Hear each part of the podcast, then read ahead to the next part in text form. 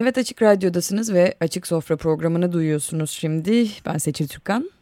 Ben Bülent Çık. Teknik Masa'da Selahattin Çolak ve Ömer Şahin'le beraberiz bugünkü yayınımızda. Geçtiğimiz hafta konservede bırakmıştık meseleyi. Oradan bir virgül koyarak bugün konuşmaya başlayacağız ama sadece konu e, konservelerle sınırlı kalmayacak. Başlığımızı söylersek eğer gıda kilometresi konuşacağız bugün. Evet. Evet ve ama ondan önce bir e, aslında bir giriş de yapmak istediğimiz en azından hatırlatmak istediğimiz başka bir konu var. Antalya'da geçtiğimiz haftalarda bir cinayet işlendi.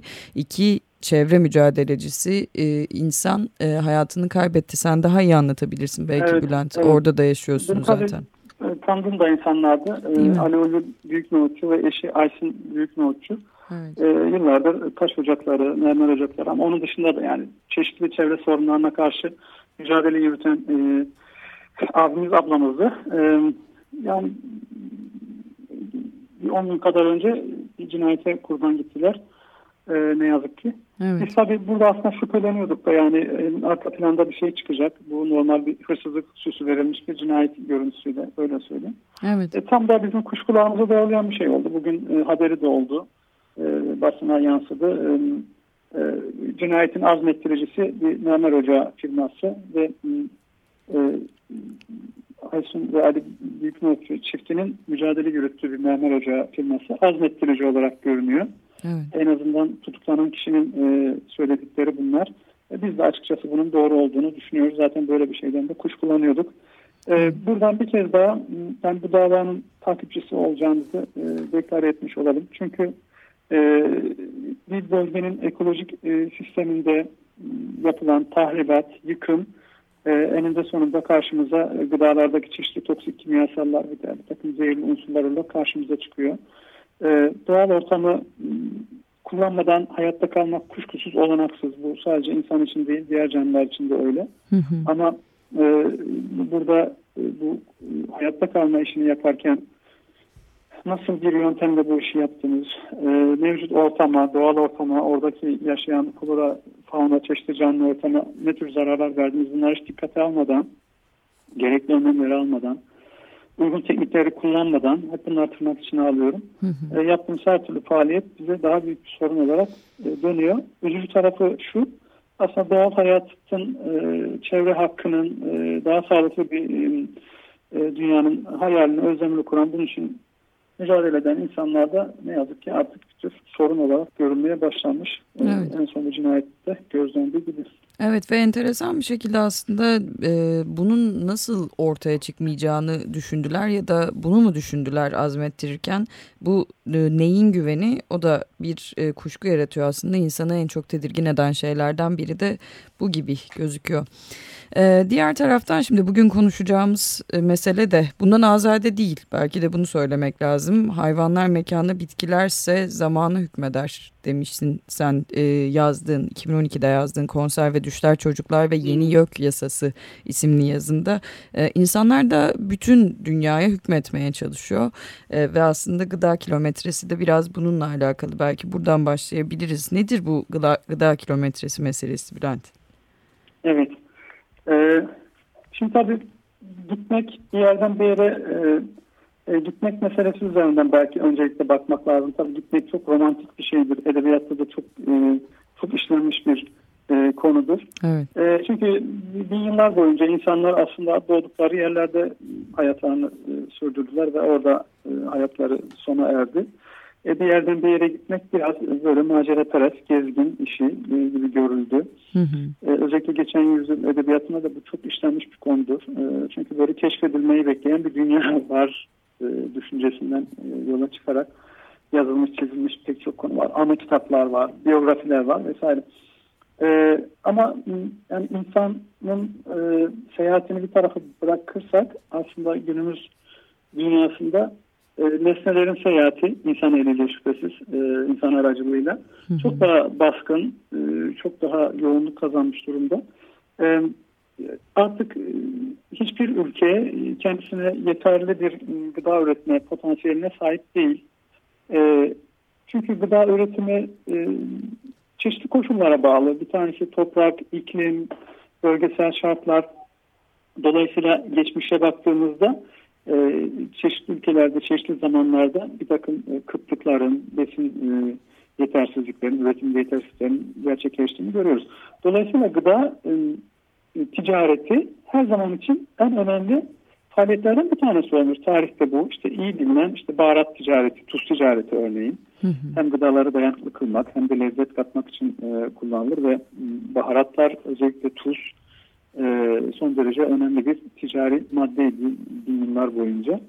E, ama günümüzde özellikle son yüzyıl içerisinde e, gıda ticaretinin, uluslararası ticaret, söz ediyorum özellikle, geldiği nokta gerçekten son derece ürkütücü. Evet. E, biz ekolojik sorunlara, yol açtığı ekolojik sorunlar açısından ürkütücü. Onu da söylemiş olayım. Ürkütücü demeyeyim sadece. E, gıda kilometresi e, aslında bu e, bir metal haline gelmiş gıda maddelerinin e, üretildiği noktadan e, ta ki işte e, taşındığı son nihai noktaya kadar geçirdiği bütün o süreçte e, yol açtığı ekolojik tahribatı e, dile getirme yöntemlerinden veya ölçme yöntemlerinden bir tanesi.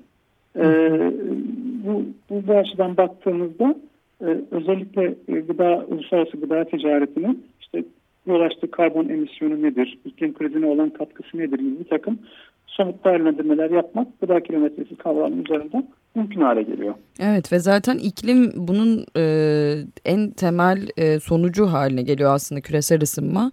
Nihayetinde böyle bir sorun olarak karşımıza çıkıyor. Yani bir yiyeceğin dünyanın bir başka ucuna seyahati e, nihayetinde bir araçla olduğu için çok büyük bütçelere ve çok büyük maliyetlere sebep oluyor. Aynı zamanda ekolojik tahribatının da getirdiği sonuç küresel ısınma. Peki e, nereden tutabiliriz bunu? Yani bunun kentleşme boyutu var Türkiye özelinde konuşursak az önce de konuştuk seninle. Bir e, şehirleşme nedeniyle örneğin bir tarım yapılamayacak alanlar var. Tarım alanlarının sürekli sınırlanması ihtimali var. Bunun dışında örneğin bir Birleşmiş Milletler raporuna göre 2014 tarihindeki rapora göre 2050 yılına kadar e, dünya nüfusunun yaklaşık 3'te 2 oranında in, insanının e, üçte iki oranında 6 milyardan daha fazla insanın artması yani aslında şehirlere taşınması ihtimali var. Bu kentlerin gittikçe büyümesi ihtimalini arttırıyor. Ee, nereden tutmak lazım gıda kilometresini ya da bireysel sorumluluk üzerinden mi konuşmak lazım? Örneğin ne yediğimizin farkındayız mı, farkında mıyız gibi bir yerden. Ya bu, tam bu noktada belki e, öncelikle şeye bir değinmek lazım. Bu konuda yaptığımız çok güzel bir film var. Belgesel film. Evet. Konserve Düşler. Candid Dreams ismini taşıyor. Katya Gorilov e, yönetmenin yaptığı bir film. Geçen hafta da e, geçirmiştik bunu. Dinleyicilerimize evet, tavsiye edelim. Biraz belki detay vermek gerekir. Aslında o filmde bir konserve ravioli yapmanın bütün aşamaları anlatılır.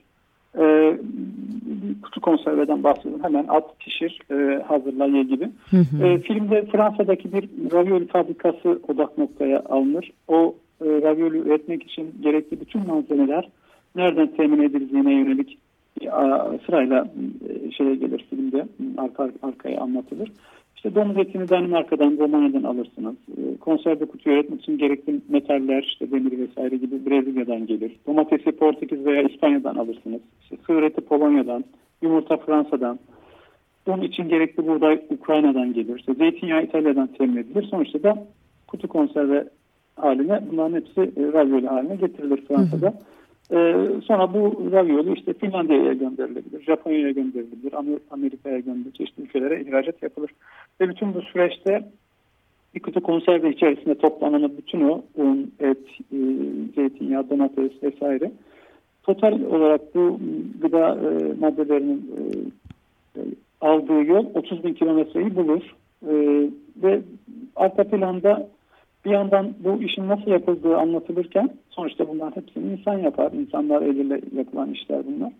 E, bu işlerde şeyi anlat görürüz filmde. Yani neden gidip e, buğdayı işte Ukrayna'dan alıyoruz, e, demir metalini gidip Brezilya'dan alıyoruz, yumurtayı niye işte bir başka ülkeden alıyoruz gibi. E çünkü bu işlerde maliyeti önemli. E, endüstriyel ölçekte yapılan her işte olduğu gibi.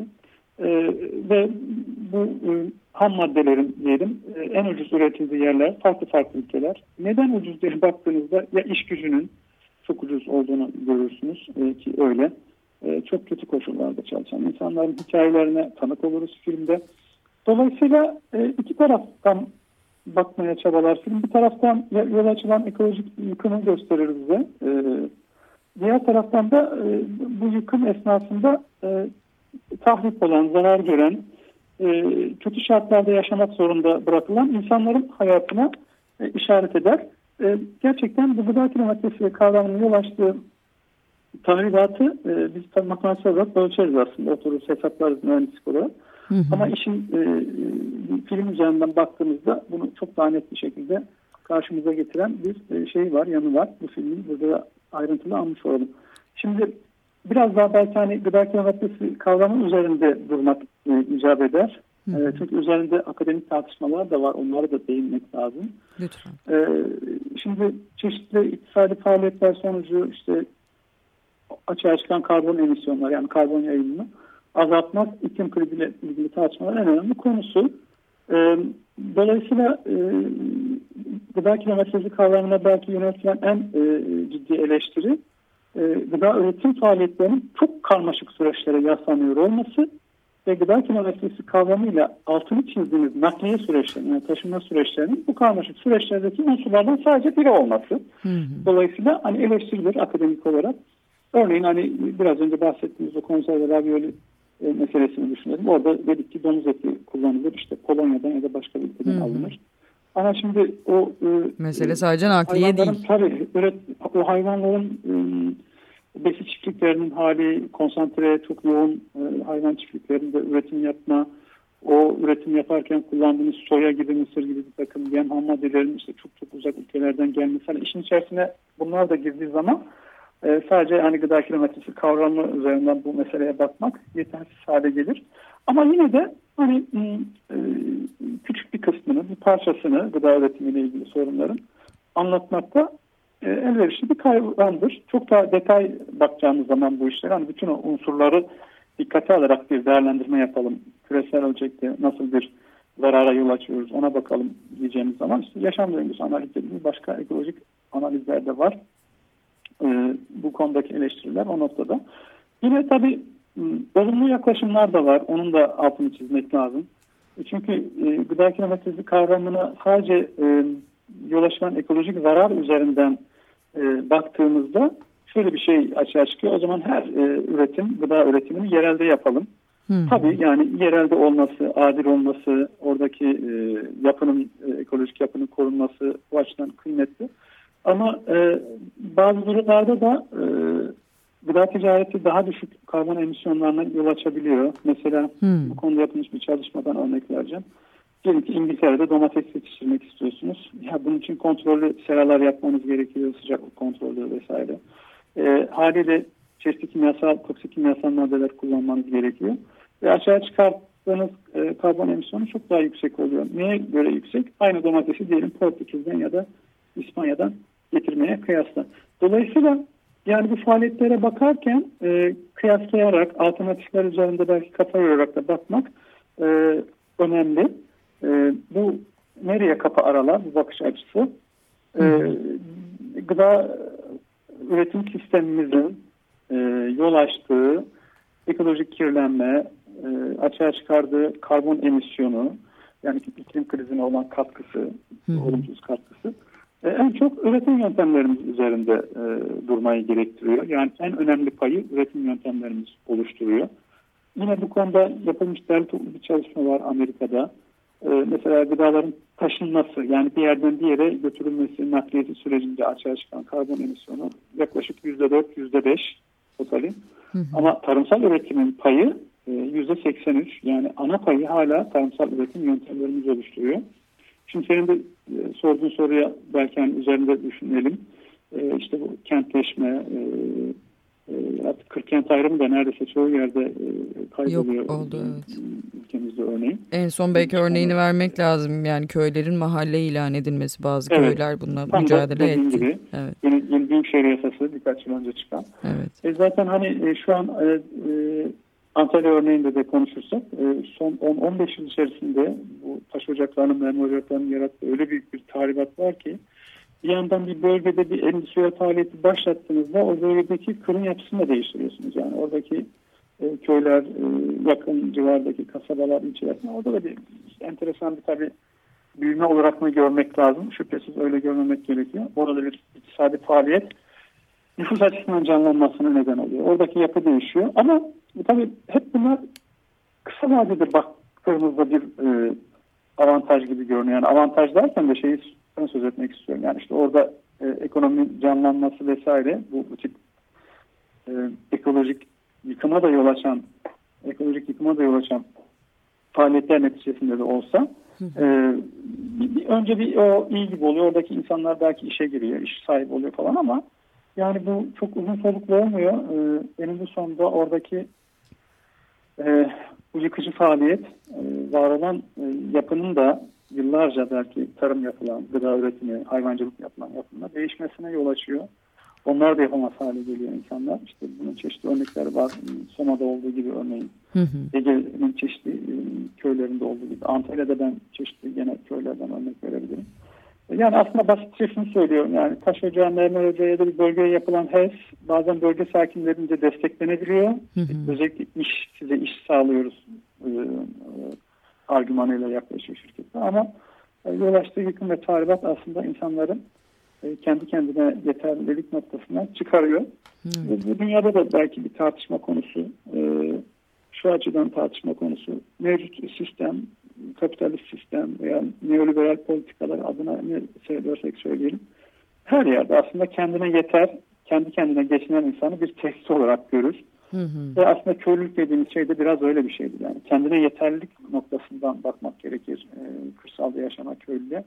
Dolayısıyla siz e, bir bölgedeki iktisadi yapıyı değiştirecekseniz ve bunu işte bir takım e, endüstriyel faaliyetler üzerinden yapacaksanız e, oradaki insanların da haliyle birer tüketici olması e, sizin yaptığınız iktisadi faaliyetlerle de uyumlu bir şeydir. Öyle evet. düşünüyorum en azından. Kaçınılamaz gibi gözüküyor. Diğer taraftan mesela şehirde yaşayan insanlar için bunun pratikteki yansıması en basit aklıma gelen şey yemek yapma kabiliyetini kaybediyor olabilir insanlar. Çünkü yemek yapmak da biraz kuşaktan kuşağa aktarılan bir şeymiş gibi geliyor. Yani mantıyı konuştuk ya az önce. Ravioli'yi konuştuk. Hı hı. İşte Türkiye'deki karşılığı bir mantı. Mantıdır doğru. Yani hani kimsenin yani yapamayacağını düşündüğü ve bu yüzden de belki hazır aldığı gibi bir tarafa doğru sürükleniyor. Belki gıda kilometresine böyle bir e, bakış açısı bile olabilirmiş gibi geldi bana. Sen ne dersin bilmiyorum. Kesinlikle doğru. Bir kere e, mutfak dediğimiz kültür zaten e, çok hani bakış açılarından bir tanesi öyle olabilir. Yerelde beslenmeyle ilgili bir kültürdür. Yani bak şöyle düşünelim. İşte Antep yemeklerimiz vardır bizim. E, Çukurova yemekleri vardır. Ne Trakya yemekleri. Yani her bölgenin e, bir ekosistemi, oradaki bitki vesairesi yani yenebilir e, şeylerden bahsediyorum. Onları kullanmaya e, yönelik bir mutfak kültürü vardır. Bu böyle bir şeydir ama e, bu, konuda mesela bazı kötü örnekler var. Şey, kötücül ıı, ıı, şeylere işaret eden çalışmalar var. Mesela bundan 100 yıl önce insanların dünya genelinde e, yedikleri yenebilir bitki sayısı 3000 civarındayken hmm. şimdi dünya genelinde beslendiğimiz yenebilir bitki sayısı 50 civarında. Yani 50 tane ürün aslında besleniyoruz. Yani ürün dediğimiz şeyler aslında canlı, varlık. Onların sağlığıyla bizim sağlığımız da birbirine sıkı sıkıya bağlı. Onu da hani söylemek gerek. Burada şunu, şunu işaret etmek lazım. Yani e, e, bu kadar büyük bir gıda ticaretini uluslararası ölçekte seyreden ve muazzam yıkıcı sonuçları olan özellikle ekolojik yıkım açısından muazzam bildiğimizde bir şey çınlamayacaktır ama şöyle söyleyelim. Ee, endüstriyel tarım faaliyetlerimizi eğer e, düzeltebilseydik e, iklim kriziyle ilgili problemleri en az %50 oranında azaltmamız söz konusu olacak. Hatta bazı çalışmalara bakılırsa %60'ını e, %70'ini çözmek mümkün. Karbon emisyonlarını tamamen toprağa ve iklim e, şey, toprağa ve gıda üretim sistemlerimizi rehabilite ederek. Dolayısıyla e, gıda nakliyesi, uluslararası ticareti çok e, e, masum bir faaliyet değil. E, masum olarak görülmesi gereken bir endüstriyel faaliyet de değil. Onun da e, burada dile getirmiş olalım. Evet yani aslında burada şehirdeki insanlar için ya da ne bileyim biz yeryüzünde yaşayanlar için de e, şahane bir perspektif çizememişti olduk. Çünkü bilemedim yani bir taraftan manavdan aldığımız e, şeyde gidin mahalle manavınızdan beslenin gibi pratik bir çözüm önerisiyle gelsek işe yarar mı sence ne dersin? Yani şunu söylemek mümkün. E, bir kere hani kentleşme dediğimiz şey e, gıda üret, zaten hani tanımı itibariyle zaten e, gıda üretiminin yapılmadığı yerler gibi bir şey sosyolojik tanımı da vardır. Hı hı. E, ama nihayetinde hani bir takım şeyleri yapmak mümkün. Mesela İstanbul'da bunun örnekleri var. Çeşitli gıda inisiyatifleri var. Kooperatifler var. Evet. E, doğrudan hani küçük üreticiyi kollayan, ondan gıda teminini e, sağlamaya yönelik e, çeşitli faaliyetler var. Büyük kentlerin dışında bizim ülkemiz için söylüyorum. Hala 40 kent ayrımının çok ne düşünüyorum ben. Bazı büyük kentleri bir tarafa bırakırsak. Pek çok kentte hala doğrudan gıda teminine ulaşmak mümkün. Üreticilerle her daim temas kurmak mümkün. Evet. Biraz da güven ilişkisini ön plana çıkarıp hani gıdalarımızı olabildiği kadar doğrudan üreticilerden temin etmek, özellikle küçük üreticiyi desteklemek bu açıdan önemli bir yaklaşım diye düşünüyorum. Şüphesiz yapacaklarımız son derece sınırlı. Ee, evet. Neden sınırlı?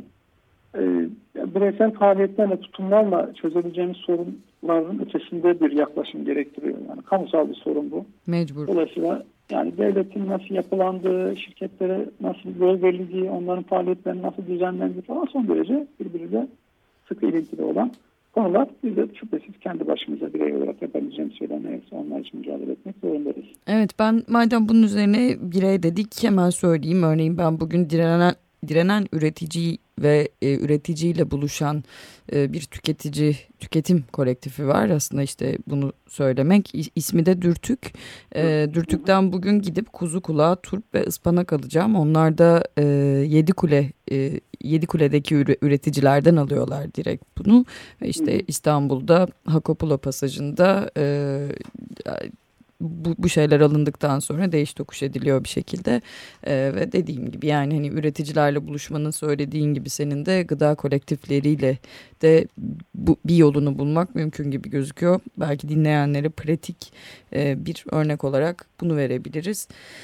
Ee, Bence o da değil yani e, çeşitli ekolojik e, e, örgütler mesela tohum, yerel tohum e, üretimiyle ilgili faaliyet gösteren inisiyatifler, örgütler bunlara destek vermek de son derece önemli. Yani illaki gidip doğrudan üreticiyi desteklemenin dışında dolaylı faaliyetler bunlar. Hı hı. E, nihayetinde baktığımızda ve bize e, gıda dediğimiz ve e, kıymetli bir şeyden e, üretim ve tüketim e, pratiğinden e, başkalarının eline bırakmamamız gerekiyor. Öyle e, öyle söyleyeyim. Yani biz şimdi e, yerel tohum mücadelesi veren inisiyatiflere destek olmakla aslında bir bakıma küçük üreticiyi kendi tohumu, kendi üreten birbiriyle takas eden ve bu şekilde binlerce yıldır yaptıkları e, tarımsal teknikleri e, muhafaza etmeye çabalayan insanlara da desteklemiş oluyoruz.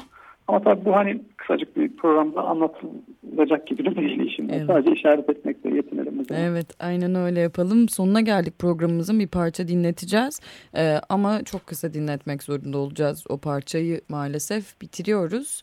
Ee, bugün Teknik Masa'da Ömer Şahin ve Selahattin Çolak'la birlikteydik. Ben Seçil Türkan. Ben Bülent Şık. Çok teşekkür ederiz dinlediğiniz için. Çok sağ ol Bülent sen de tekrar tekrar Antalya'dan bu programımızı e, yapmamıza yani vesile olduğun için.